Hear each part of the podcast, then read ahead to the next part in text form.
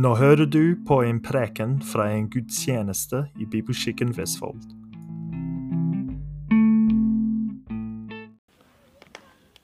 Teksten i dag er Matteus evangeliet, kapittel 19, vers 16-22. Så la oss lese teksten sammen først, før vi ber. Matteus evangeliet 19, vers 16-22. Og vi leser det i Jesu navn.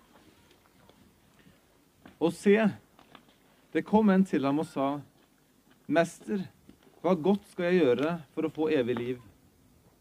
Men han sa, Hvorfor spør du meg om det gode? Det er bare én som er god.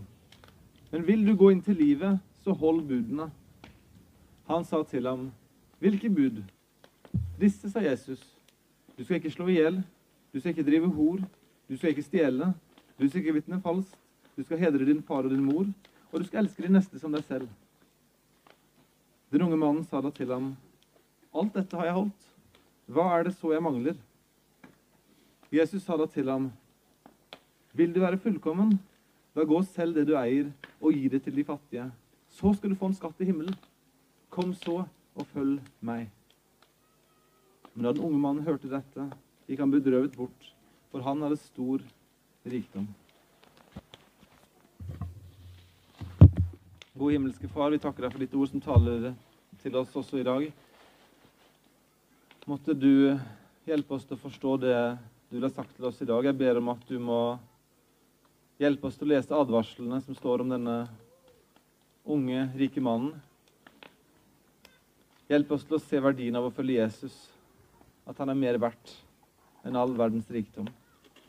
Kjære far, hjelp oss til å få øyne til å se, øre til å høre det som denne teksten vil formidle til oss. Hjelp meg å styre min tunge, og styr vår tanke når vi nå studerer avsnitt, dette avsnittet sammen. Vi ber om Den hellige ånds hjelp. I Jesu navn. Amen. Da jeg ble frelst for litt over ti år siden, eh, kanskje 11-12 år siden, så ble det veldig tydelig klart for meg at eh, jeg tror eh, at, at Gud hadde kalt meg, at jeg skulle være med å forsyne Guds ord. Og Det begynte jeg veldig tidlig med, primært i min rolle som tenåringsarbeider i menigheten jeg gikk i da i Bergen. Men etter hvert fikk jeg også en del spørsmål om å reise rundt og være med å forsyne på forskjellige ungdomslag og på leirer osv. Og, så og, forskjellige arrangement for ungdom spesielt. Og jeg husker fra den tiden som kalte omreisende ungdomspredikant. Jeg var jo student, så det var jo ikke det jeg jobbet med, men jeg stort sett brukte hver helg til. Så, så, var det alltid på slutten av møtene så åpna det opp for å komme fram og, til forbønn og, og, og, til samtale, med, gjerne med taleren. Så det var alltid jeg som taler, og pluss en eller to til av de som var lokalt der vi var. Det var på en måte standard prosedyre på alle ungdomsmøter vi var på. Eh, og det var også noe som ble benytta av ungdommene som var der, eh, i veldig stor grad. Nesten alltid etter jeg hadde vært og talt et sted, så snakket jeg alltid med to-tre, av og til flere, etter møtet og ba for dem. Og de hadde altså forskjellige spørsmål og bønnebehov. Og Et av mine beste minner fra en sånn situasjon var da det kom en kar til forbønn som var litt nervøs. Han var helt åpenbart ukomfortabel i situasjonen. Dette var noe ikke han hadde gjort før. Men han kom likevel, og han sa noe slik som dette.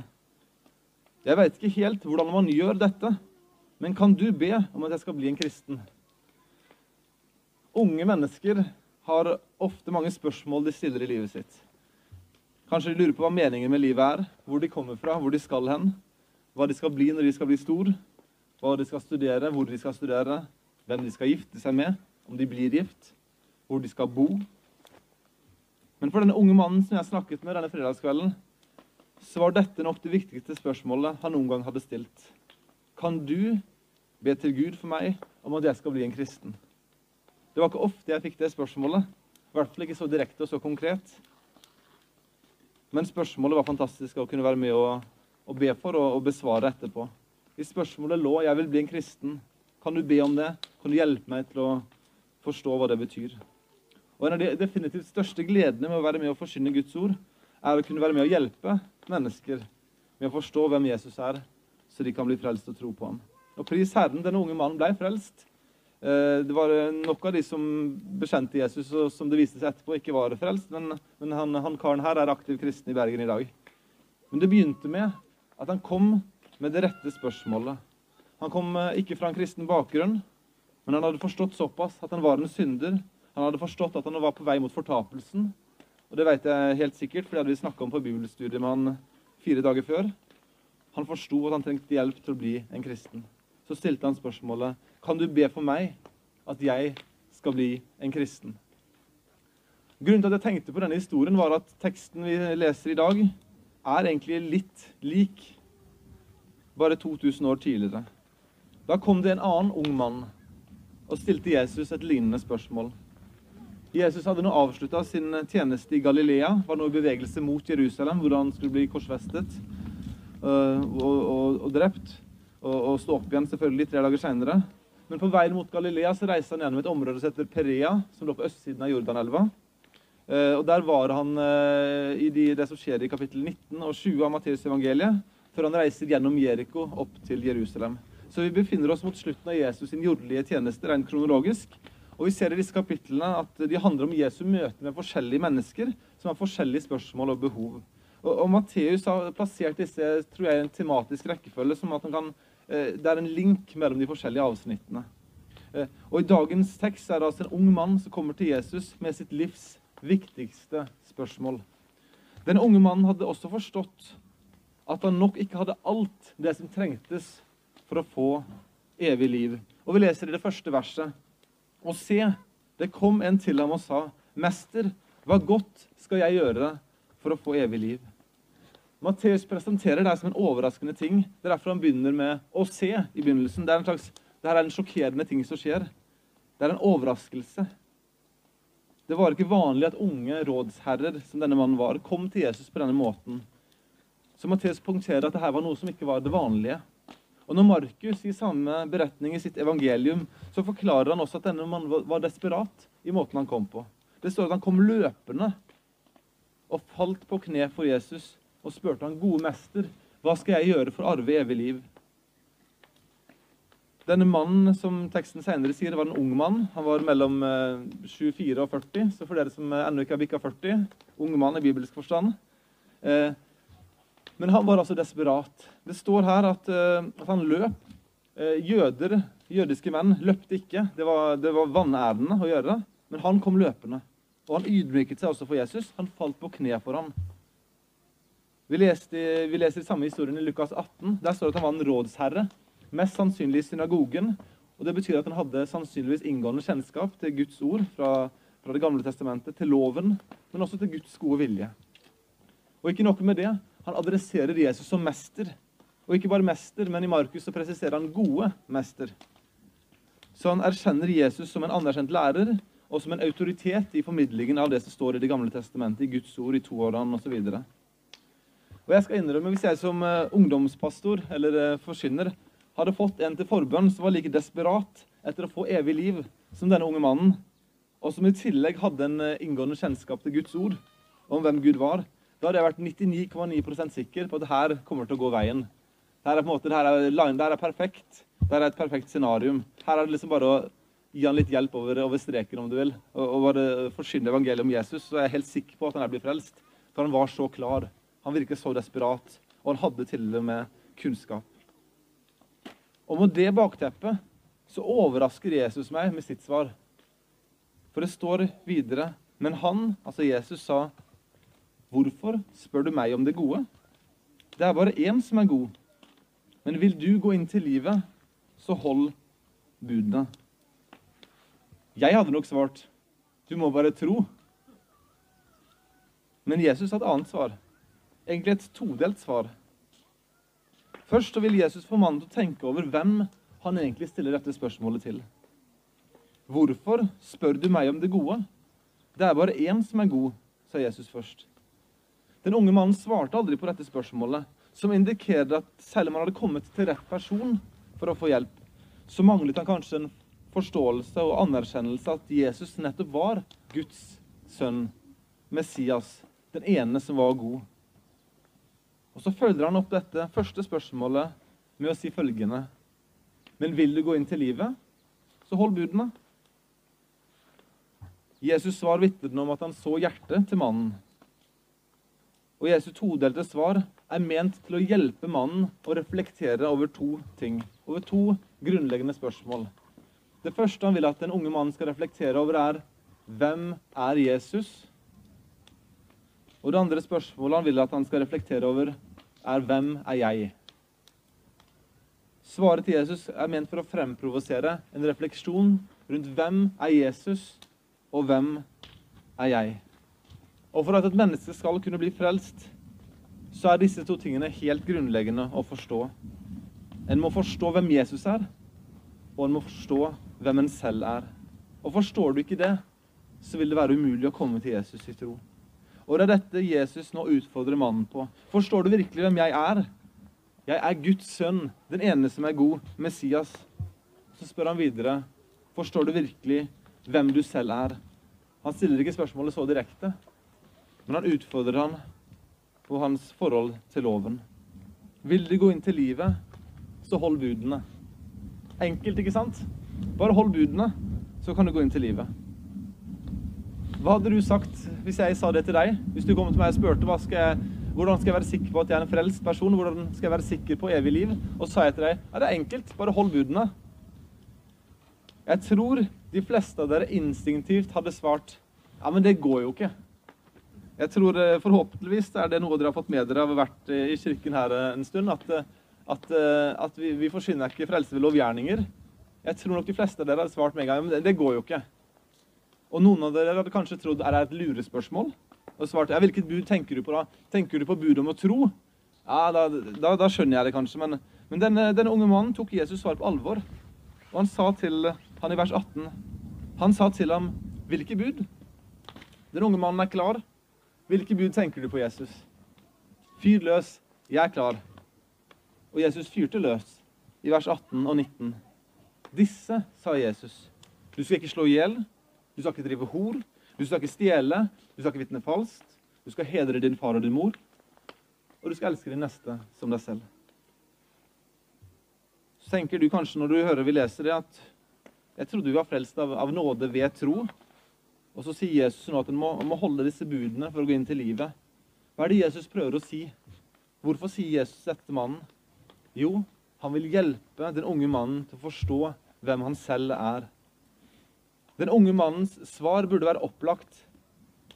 Men før vi konkluderer, la oss se på disse budene da, som Jesus utfordret den unge mannen på. Han sa først du skal ikke slå i hjel. Det var det første budet Jesus nevnte. Og Vi vet jo at budet selvfølgelig omfatter det å drepe, ta livet av noen. Men prinsippet er mye bredere enn å ta et fysisk liv. I 1. Johannes 3, 15 så står det at hver den som hater sin bror, er en morder, og at ingen morder har evig liv værende i seg. Og I Matteus 5, 21-22 så står det den som harmes, altså blir sint på sin bror uten grunn, han blir sidestilt med en morder. Sannheten er at alle mennesker som har levd litt, har brutt dette budet. Og Så går Jesus videre. Du skal ikke drive hor. Det handler selvfølgelig om seksuell omgang utenfor ekteskapet. Men prinsippet er jo mye bredere. I Matteus 5,28 sier Jesus at hver den som ser på en kvinne for å begjære henne, har allerede drevet hor med henne i sitt hjerte. Alle som noen gang har begjært et menneske utenfor ekteskapets rammer, har også gjort seg skyldig i dette budet. Og Så ramser han opp de som vi kanskje er lettest til å erkjenne. Du skal ikke stjele, og du skal ikke lyge, altså vitne falskt. Det er noe som de aller fleste vil innrømme at de har brutt en gang eller to. Og gjerne mange flere ganger enn det òg. Jeg antar det samme gjelder deg som er her. Så sier han det femte budet han ramser opp, er du skal hedre din far og din mor. Og jeg tror vi alle må innrømme at vi har falt til kort her òg. Vi har ikke alltid gjort som de har bedt oss om å gjøre til alle tider. Vi har ikke æret dem med ord og holdninger sånn som vi burde. Vi har ikke alltid underordna oss som vi er kalt til å gjøre. Vis de ære og takknemlighet. Og Sannheten var jo at alle mennesker hadde brutt disse budene også. Og så oppsummerer Jesus med et bud som var mye mer omfattende. Du skal elske de neste som deg selv. Har du alltid handla i kjærlighet og sannhet med de rundt deg? Alltid gjort og sagt ting med tanke på hva som var deres beste? Når vi leser disse budene De fem første er henta fra de ti bud, fra 2. Mosebok 20. Det siste er henta fra 3. Mosebok 19, og videre altså forklart av Jesus i, i bergprekenen bl.a. Så er det én, og bare én, erkjennelse en egentlig kan komme med. En er skyldig, og en er syndig. Og når den unge mannen skulle svare på spørsmålet 'Hvem er jeg?', så burde budene Jesus ramset opp få den unge mannen til å erkjenne 'Jeg er skyldig framfor Gud'. jeg er en synder. Og for å få evig liv trenger jeg nåde, tilgivelse og frelse. Men her var der det gikk virkelig galt for den unge mannen. For det står i vers 20 Den unge mannen sa da til ham, Alt dette har jeg holdt. Hva er det så jeg mangler? Hvis jeg går tilbake til, til årene som, som, omreisende ungdomspredikant, så møtte jeg aldri noen som ga meg det svaret. Ikke i nærheten engang. Det var ingen som hevda ha holdt alle budene. Og Det som er mest sjokkerende, er at denne mannen var oppriktig i sitt svar. Han trodde han hadde holdt alle budene, i hvert fall til en tilfredsstillende grad for Gud. Han forsto nok at Jesus testa han på en eller annen måte, men han hadde i hvert fall ikke brutt noen av disse budene på en måte som gjorde at han var utenfor Guds gunst. Dette var vrangforestillinger som fariseerne og den religiøse eliten hadde klart å overbevise unge lærere om å tro. At ved å leve et dedikert liv som etterfølger av Moses, så kunne hun leve et liv uten å bryte loven. Han var et produkt av sin tid. Han var blind, dessverre, for hvem Jesus var, og han så heller ikke hvem han selv var. Så gir Jesus han en siste anledning til å erkjenne hvem han er. Han så at mannen hadde en stor avgud i livet sitt. Vi har nok alle en eller flere ting i livene våre som i større eller mindre grad kan være slags mini-avguder i våre liv også. Så når vi leser om den, den, unge, rike mannen som hadde en avgud som vi skal se at var hans rikdom, så skal vi være litt ydmyke også og kanskje stille oss spørsmålet ja, hva hadde Jesus sagt til meg hvis han hadde hatt denne samtalen med meg? Hva hadde han utfordra meg på, på å gå i vekk eller gi til de fattige, eller hva det måtte være? Hvis vi hadde hatt en tilsvarende samtale. Avguder kan ta alle former og skikkelser, og de kan stjele vår tilbedelse på de mest utspekulerte måter. Men den unge, rike mannen hadde én stor avgud. Og Jesus vil utfordre ham på om, om han vil erkjenne at han er en avgudsdyrker. Jesus sa da til ham, 'Vil du være fullkommen? Da gå og selg det du eier, og gi det til de fattige.' 'Så skal du få en skatt i himmelen.' Kom så og følg meg. Markus gir også litt utfyllende kommentarer om Jesus' sinnelag for denne unge mannen. I Markus 10, 21 står det følgende.: Da så Jesus på ham og fikk ham kjær. Og så ga han dette svaret. Og Jeg syns det er viktig å ha med seg også at Guds sinnelag mot denne selvrettferdige mannen, som han viste seg å være, var sorgfull kjærlighet. Og Det er også viktig å ha med seg når vi tenker om, om, om, Guds forhold til syndere. Ja, det er sant at Guds vrede er over alle som ikke er i Kristus. Men det er også en sorgfull kjærlighet over at de velger vekk Jesus for mindreverdige goder. Han fikk ham skjær. Det var en sorgfull kjærlighet i røsten til Jesus når han snakket med ham. Og Så ber han han selge det han eier, og gi det til de fattige. Dette er ikke et generelt bud Jesus gir til alle kristne om å, om å, selge alt vi eier og gi til de fattige. Det er, ikke, det er liksom ikke kallet til alle, alle, her. Men klart, her var det det som var avguden hans, som, som hindra han fra å tilbe Gud. Og så Jesus utfordrer han videre.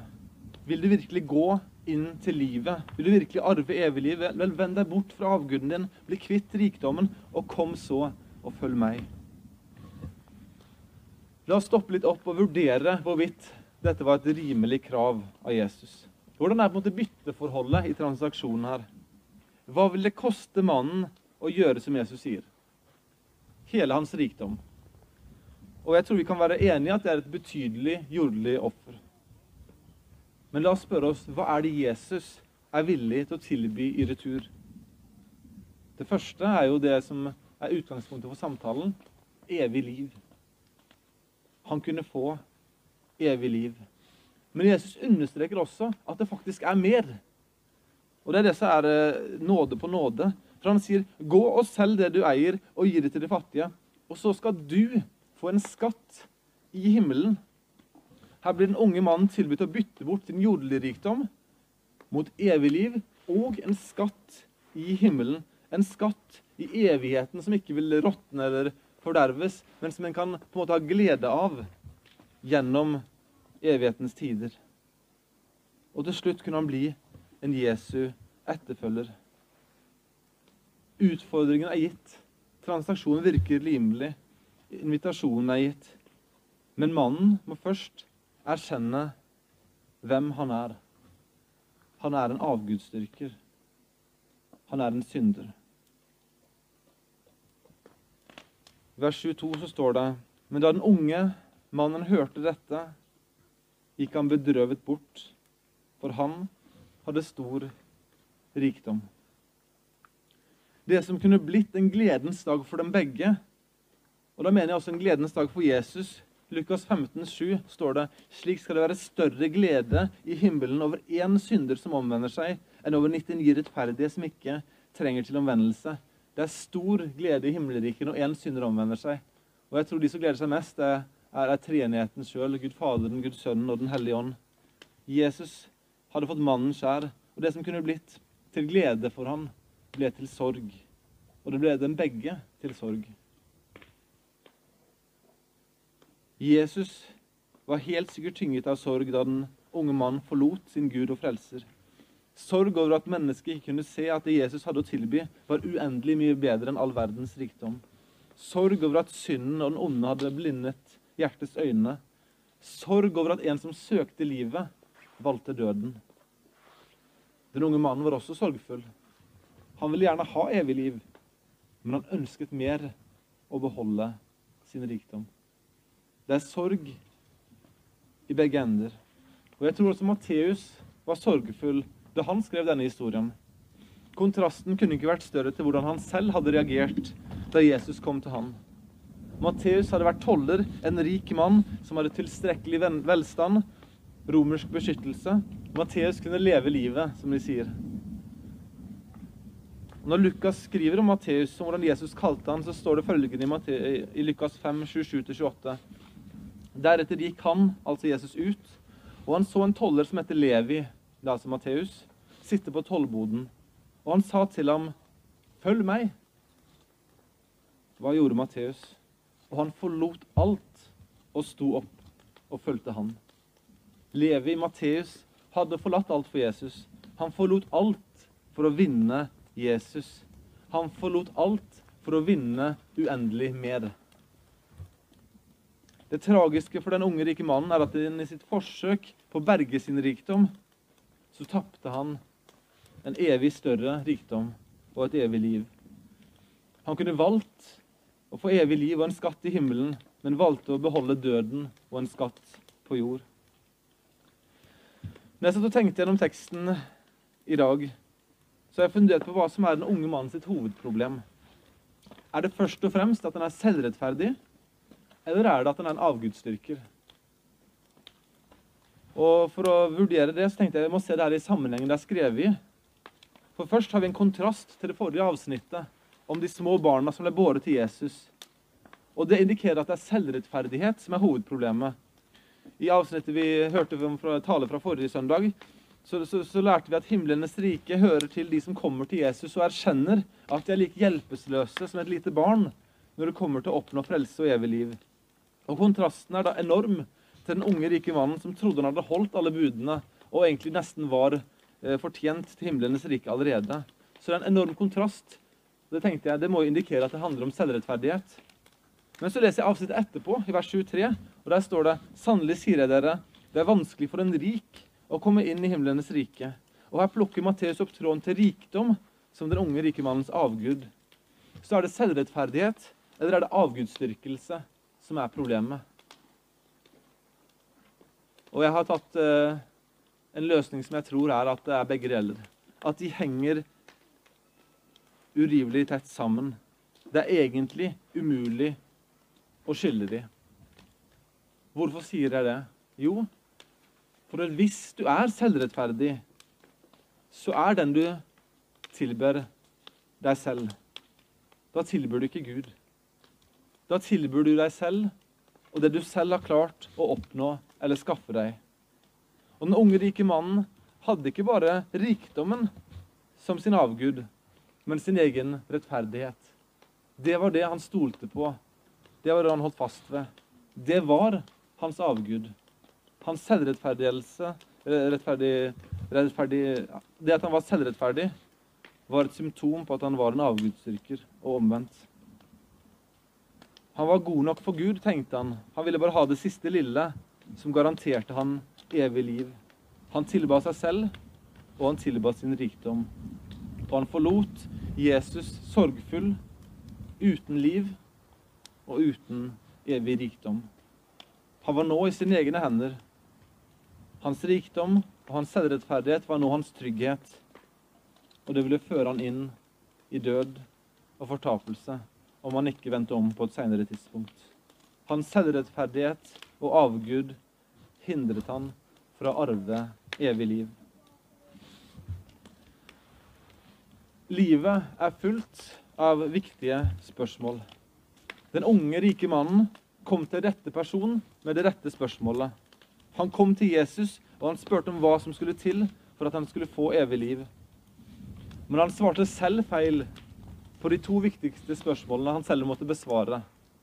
Og det var dette Hvem er Jesus, og hvem er jeg? Han svarte feil på begge disse spørsmålene. Og derfor forlot han Jesus sorgfull og død i sin synd. Har du som er her, svart på de to spørsmålene?